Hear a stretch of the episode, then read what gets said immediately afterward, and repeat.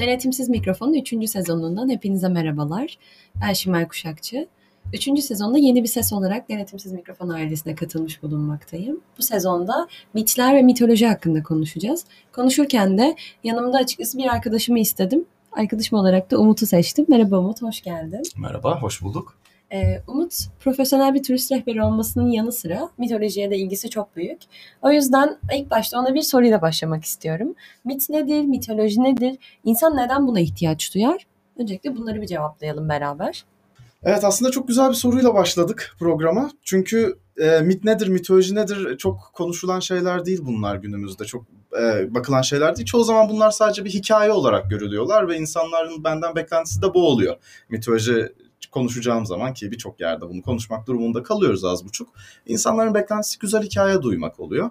Ama bunların hikayeden birazcık daha bir adım daha öne giden, ileri giden e, daha farklı şeyler olduğunda bu ayrımı da bir noktada görmek gerekiyor. E, mitolojiden bahsedeceksek tabii bir kelime ayıralım. Ne var karşımızda? Mitos var ve logos var. Mitos ne demek? Mitos anlatmak demek, söz demek. Logos da bilim demek. Yani aslında logosun tam çevirisi daha gerçek tarzı bir anlamı oluyor ama biz günümüzde bilim olarak kullanıyoruz ve bunu başka dallarda da görebilirsiniz. Biyoloji, bios, logos, e, mitoloji gördüğümüz gibi ve yani lojiyle biten aslında her şey bilim olduğunu görüyoruz. Peki birazcık daha biz o ilk kısmına odaklanalım. Mitos kısmı. Anlatmak.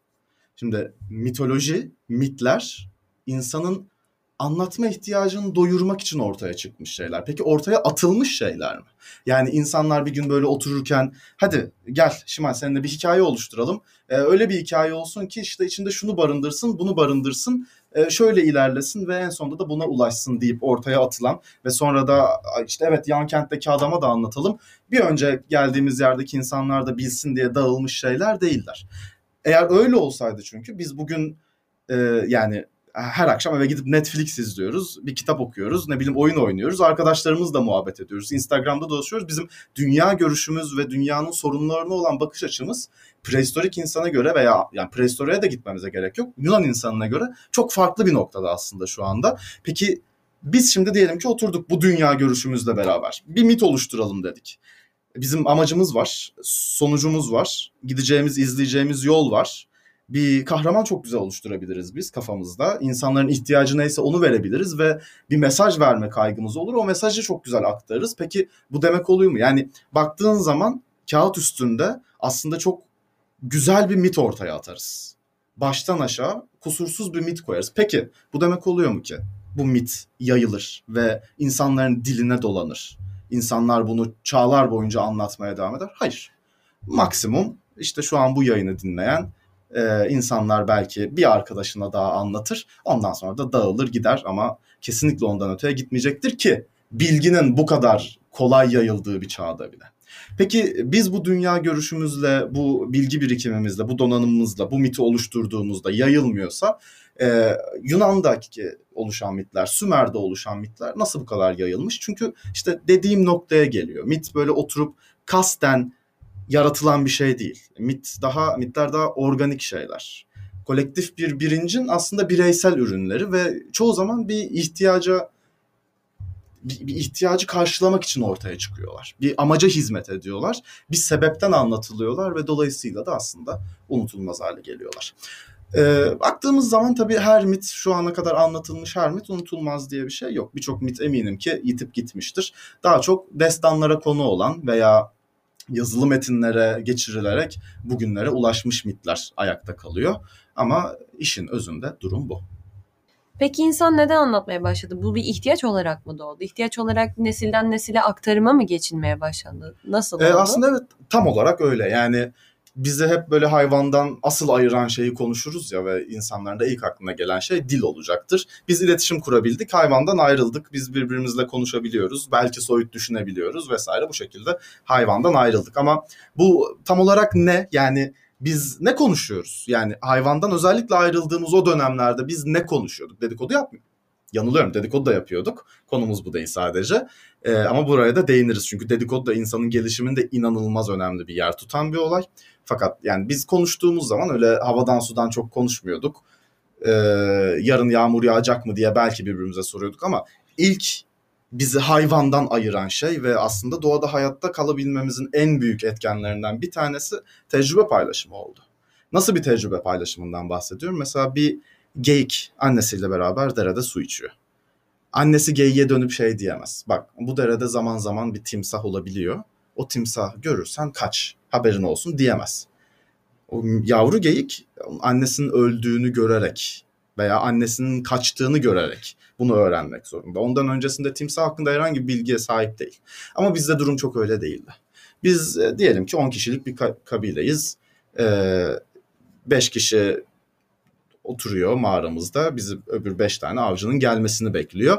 Beş tane avcı geldi. Bunlardan mağarada oturanlardan üçünün çocuk olduğunu varsayalım. Beş tane avcı geldi. Sırtlarında çok güzel bir e, geyik var mesela veya bir aslan veya işte ne avladıysak o var. Balık var, ayı var artık ne bulduysak.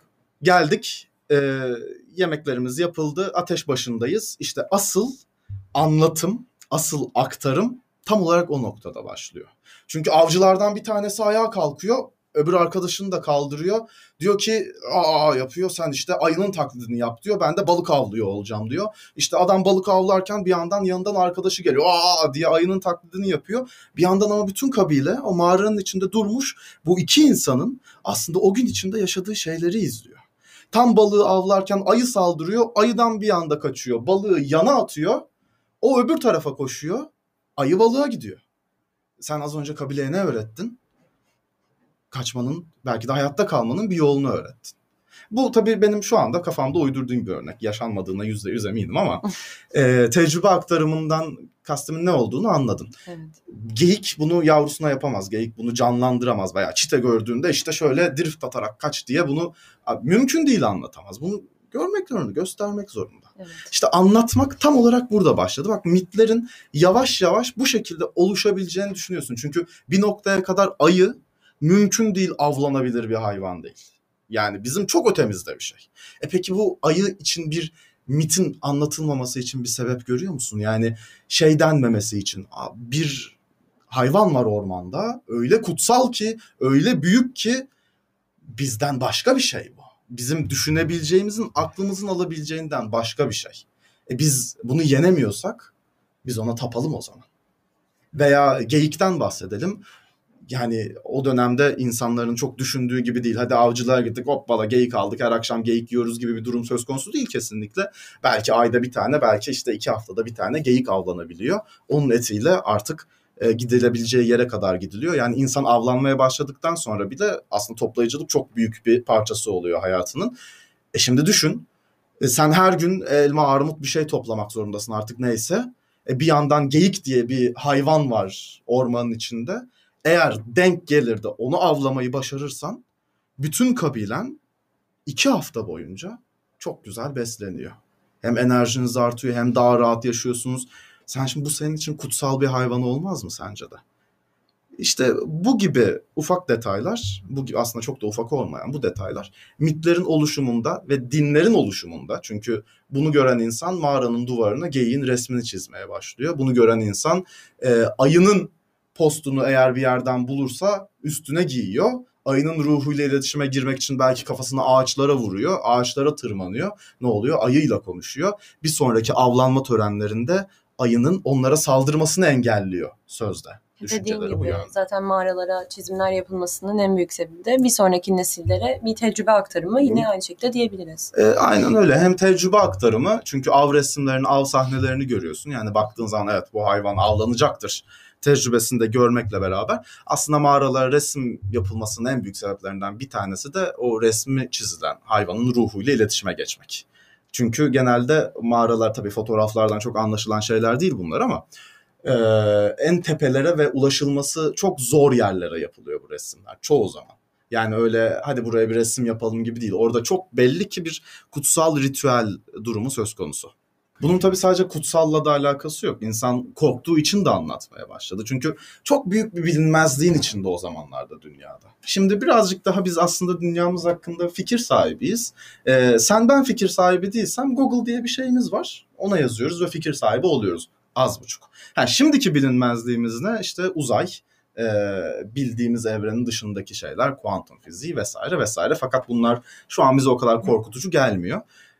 Ama o dönemin insanına gittiğimiz zaman, prehistoria'ya döndüğümüz zaman durum çok farklı bir noktada. Çünkü sen insan olarak çok bir şey yapamayan aslında sana doğanın verdiğiyle yetinmek zorunda kalan bir canlıyken önünde e, bir sedir ormanı var mesela ve bu ormanı geçebilecek gibi değilsin. Çünkü vahşi hayvanlar yaşıyor içinde. Sen kendi bulunduğun bölgede aslında birazcık da hapsolmuş durumdasın belki de.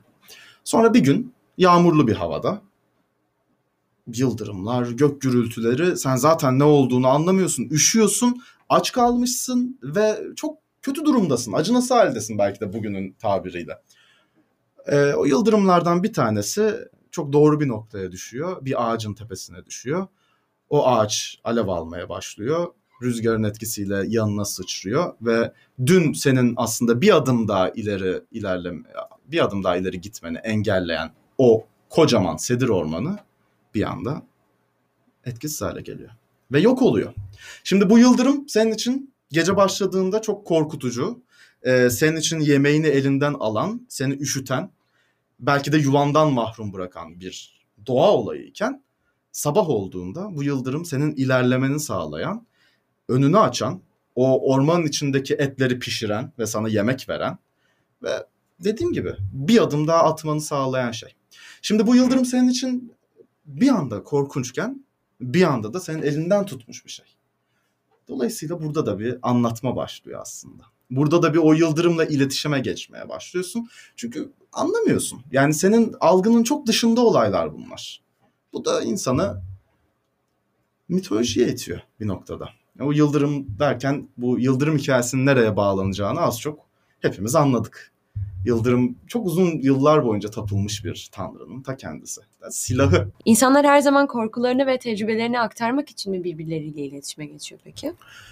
Ee, tam olarak öyle değil. İnsanlar çoğu zaman yani tabii ki günlük konuşma artık birazcık daha ileriki dönemlere gelelim. Prehistoria'da hapsetmeyelim kendimizi. Ki zaten bu işin en düşük noktası belki orası. En düşük değil de temel noktası orası. Biz şimdi artık birazcık daha açılalım bu konudan ve belki Yunan'a doğru, belki Sümer'e doğru artık günümüze doğru ufak ufak gelelim. Ee, insanlar sadece tecrübe aktarmak için iletişime geçmiyorlar birbirleriyle. İnsanlar normal günlük hayattaki konuşmayı da kattılar için işin içine.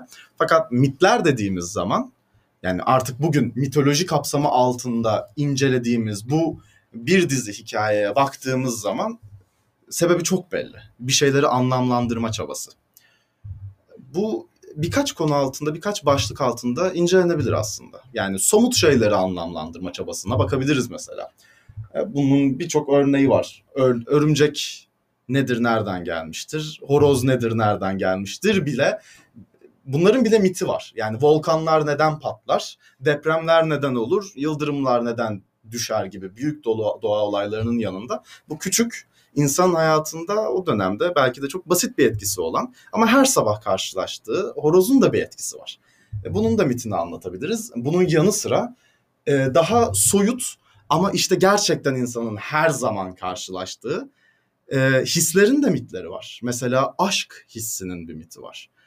Eros'la Psyche'nin miti. Bundan da bahsederiz. Yunan mitolojisine gelindiği zaman artık aslında zaten insanın nasıl sadece kendini anlamlandırma çabasından çıkıp bu yetersiz kalıp bir de çevresini, hissettiklerini anlamlandırma çabasını çok iyi görebiliyorsun. Ki şöyle bir şey var zaten mitoloji okumaya hadi bugün ilginizi çekti mitolojiye başlıyorsunuz diyelim. İlk sayfayı açtınız. Çok güzel o dönemde nasıl bunu düşünür, bu, bunu, o dönemde bunu nasıl düşünmüşler diye benim kendime çok sorduğum bir metaforla aslında metafor değil ama e, bilinç dışı bir olayla başlıyor hikaye. Şöyle diyor. Her şeyden önce kaos vardı. Yani biz bugün bilimin geldiği son noktayla bunu belki söyleyebiliyoruz, belki hala şüphede kalıyoruz. Ama bu demek ki insanın bilinç dışında bildiği bir şey. Yani farkında olmadan bu bilgiye sahip insan ya da anlayamadığı şeyleri kaos olarak nitelendirmeye zaten çok önceden beri meyilli. E şimdi e, şey dedin biraz önce, hislerin bile mitleri var dedin. Hı hı. E, peki dinleyicilerimiz için de insanlarla tanrılar arasındaki en büyük farktan bize biraz bahseder misin? Tabii ki. Biraz önce insanların çevresini anlamlandırmaya çalışmasından bahsettim. Bunu biraz açabilir misin? Evet tabii. Yani hem zaten bu noktada dinleyicilerimiz de biraz sıkılmıştır belki bir miti de araya sokmanın zamanı gelmiştir. Ee, o mitle beraber hadi insanların biraz algısına bakalım. Ya dedim ya anlamlandırma çabası. Yani etraflarında kendi kontrollerinin dışında olup biten bazı şeyler var ve bu şeylere bir kılıf uydurmak zorunda hissediyor insanlar. Yoksa çok kay- kaybolurlar koca dünyanın içinde. Bunlardan en iyi örneklerinden bir tanesi de Persephone'nin en bildiğimiz miti olan Hades tarafından kaçırıldığı bir mit. Ona biraz istersen girelim. E, Persephone dediğimiz belki ismini duyan olmuştur. E, Persephone adıyla duymasa da Kore adıyla duyan olmuştur belki de. Genç bir kız, Demeter'in kızı. E, Demeter'le Zeus'un kızı. Demeter de bereket tanrıçası. Yani o günlerde çiftçilerin tarlalarında ekinler ekiliyor ve biçiliyorsa, e, ürünler veriliyorsa, çiçekler açıyorsa, yaz geliyorsa bunun sebebi Demeter. E, onun çok da güzel, canından çok sevdiği bir kızı var Persephone adında. Persephone bugün kır, bir gün kırlarda oynarken onun da mitolojide bu arada tam olarak geçtiği bir lokasyonda var. Yani bilmem ne dağının şu eteğinde vesaire diye bahsedilmiş ama takdir edersin ki tabii ki bu kadar detay akılda kalmıyor. Ee, bir gün kırlarda oynarken dolaşırken etrafta çiçek toplarken annesinin gözetimi altında değil tabii ki annesinin başka işleri var. Çok aslında 40 yılda bir olacak, çok nadir yaşanacak bir olay yaşanıyor ve Hades yeraltı dünyasının tanrısı yeryüzüne çıkmaya karar veriyor. O alevli atlı arabasıyla, altın eğerleriyle bir anda yer yarılıyor ve Hades yeryüzüne çıkıyor. Şöyle bir hava almak için diyebilirsin. Dolaşırken arabasında çok güzel bir kız görüyor. Ama bilmiyorum belki de yer altına kapalı kalmasından dolayı bu kadar güzel geliyor olabilir o kız ama yani inanılmaz tarif edilemez güzellikte bir kızla karşılaşıyor ve Hades takdir edersin ki çok değer yargılarına sahip bir insan bir tanrı değil. Çünkü uzun süredir yer altına kapalı ve çok güçlü bir tanrı. Üç büyük tanrıdan bir tanesi. Birazcık da ne istersem yaparım gibi bir edası var doğal olarak. Bir anda tutuyor Persephone'yi, atıyor atlı arabasının arkasına ve tekrar yer yarılıyor ve o cehenneme aslında Yunan mitolojisinde cehennem demek doğru değil. Çünkü yeraltı dünyası öyle cennet, cehennem gibi bizim şu an ayırdığımız şekilde ayrılmıyor. Yeraltı dünyası bir bütün. E, Hades atlı arabasıyla beraber tekrar Persephone'yi de aldıktan sonra yeraltı dünyasına iniyor. E, burada aslında mit birazcık ayrılıyor. Çünkü Persephone'nin bu durumdan çok şikayetçi olduğunu ve kaçmaya çalıştığını söyleyenler var. Bir süre sonra orada Hades'le beraber olmaya alıştığını ve birazcık da Hades'i de sevdiğini söyleyenler var. Ben Hades'i sevdiğini bir süre sonra sevmeye başladığını söyleyenler tarafındayım. Çünkü şu na olanak veriyor. Ben o niyeti bugün alıp incelediğim zaman, günümüze getirdiğim zaman günümüzde anlatılan başka bir psikolojik e, olayla bağdaştırabiliyorum. Stockholm sendromu. Stockholm sendromu. Neyse konumuz bu değil. Bu, çok uzaklaşmıyorum mitolojiden. E, Persephone Hades'le beraber bir süre yeraltı dünyasında kalıyor ama tabii ki akşam eve gelmeyince ezan okunduktan sonra annesi çok etkileniyor. Demeter çıldırıyor, deliye dönüyor. Kızım nerede? Kızım nerede? Dünyaya bakıyor e, Olimpos Dağı'nın tepesinden. Kızını göremiyor. E, Apollon'a söylüyor, güneşi çeken Apollon'a. Diyor ki sen benim kızımı gördün mü? Apollon şöyle bir düşünüyor. Evet ben diyor e, sabah güneşi doğurmak için yola çıktığım zaman dünyanın üzerinde gezdirmeye hazırlandığım sırada yanlış hatırlamıyorsam Hades'in onu alıp yeraltı dünyasına kaçırdığımı gördüm diyor. İşte bu noktada işler birazcık kızışıyor. Çünkü Demeter hemen Zeus'a gidiyor. Onun kendisi Hades'le yüzleşecek bir durumu yok. Bir de yeraltı dünyasına inmek gibi bir lüksü de yok. Ee, hemen Zeus'un yanına gidiyor. Diyor ki Zeus kızım kaçırıldı. Fakat Zeus bunun zaten farkında. Yani Zeus'un gözünden böyle bir durumun kaçmasının imkanı yok. Birazcık da göz yummuş durumda. Çünkü Hades onun biliyorsun kardeşi. Dolayısıyla çok bir şey söylemiyor ona kaçırırken farkında olsa dahi. Demeter geldiğinde de ya Demeter'cim yapma gel bir tane daha yapalım e, diyor muhtemelen ve konuyu geçiştiriyor. Fakat Demeter için Persephone oldukça değerli bir evlat. Çok seviyor kızını ve e, ağlamaktan helak oluyor diye, diye deyim vardır ya. Ağlamaktan helak ediyor diyelim. Çünkü o ağlayınca, o yeryüzüyle ilgilenmeyince çiftçiler ekiyor ama biçemiyor. Çiçekler açmıyor, çimler yeşermiyor. Hava sürekli kapalı ve yağmurlu ve insanlar mahvoluyor. Yani bu durumdan en çok etkilenen ne Persefone oluyor ne Demeter, insanlar oluyor.